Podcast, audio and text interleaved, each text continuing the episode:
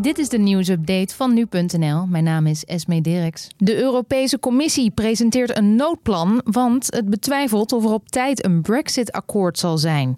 Gisteravond sprak de Britse premier Boris Johnson met de voorzitter van de commissie. En toen kwam er nog geen witte rook uit de schoorsteen. De deadline verloopt al op 1 januari. En daarom wil de EU voorbereid zijn op alle scenario's. Het noodplan moet er in elk geval voor zorgen dat wederzijds lucht- en wegverkeer mogelijk blijft en ook dat vissers toegang houden tot elkaars wateren. Bij het RIVM zijn 8.793 nieuwe positieve tests gemeld. En dat zijn er 2000 meer dan gemiddeld. Het is al de negende dag op rij dat er meer besmettingen worden gemeld dan een week geleden. De afgelopen negen weken overleden er in totaal 3900 mensen meer dan gemiddeld per jaar. Hoeveel hiervan aan corona overleden, ja, dat moet nog onderzocht worden.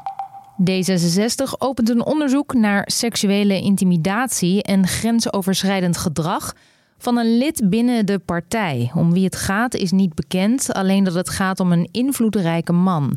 Een eh, vrouw stuurde een anoniem bericht waarin ze hem beschuldigde. Ze schrijft dat de man zich aan haar opdrong en dat ze het met haar ambities wel kon vergeten binnen de partij toen ze weigerde. Ook uh, zouden Kamerleden en oud-partijleiders zich volgens de klokkenluidster schuldig hebben gemaakt aan MeToo-praktijken. Drillrap leidt maar weinig tot geweld. Dat blijkt uit een Rotterdams onderzoek. In de meeste gevallen blijft het gewoon bij muziek en online communicatie.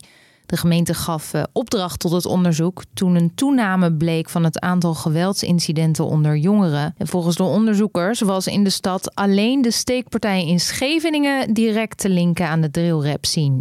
Al zijn de stikstofplannen sinds woensdagavond ambitieuzer dan ze waren. Milieuclub MOB geeft niet op. Minister Carola Schouten die eh, mikt nu dan wel op een halvering van de stikstofuitstoot in 2035. Maar dat vindt de organisatie maar slappe hap. MOB wil dat die halvering al in 2030 wordt waargemaakt en gaat daarom door met procederen. Nou, wie weet is dat met succes, want uh, eerder werd het Nederlandse stikstofbeleid afgekeurd door de Raad van State na een uh, rechtszaak van de Milieuclub. Dit was de nieuwsupdate van nu.nl.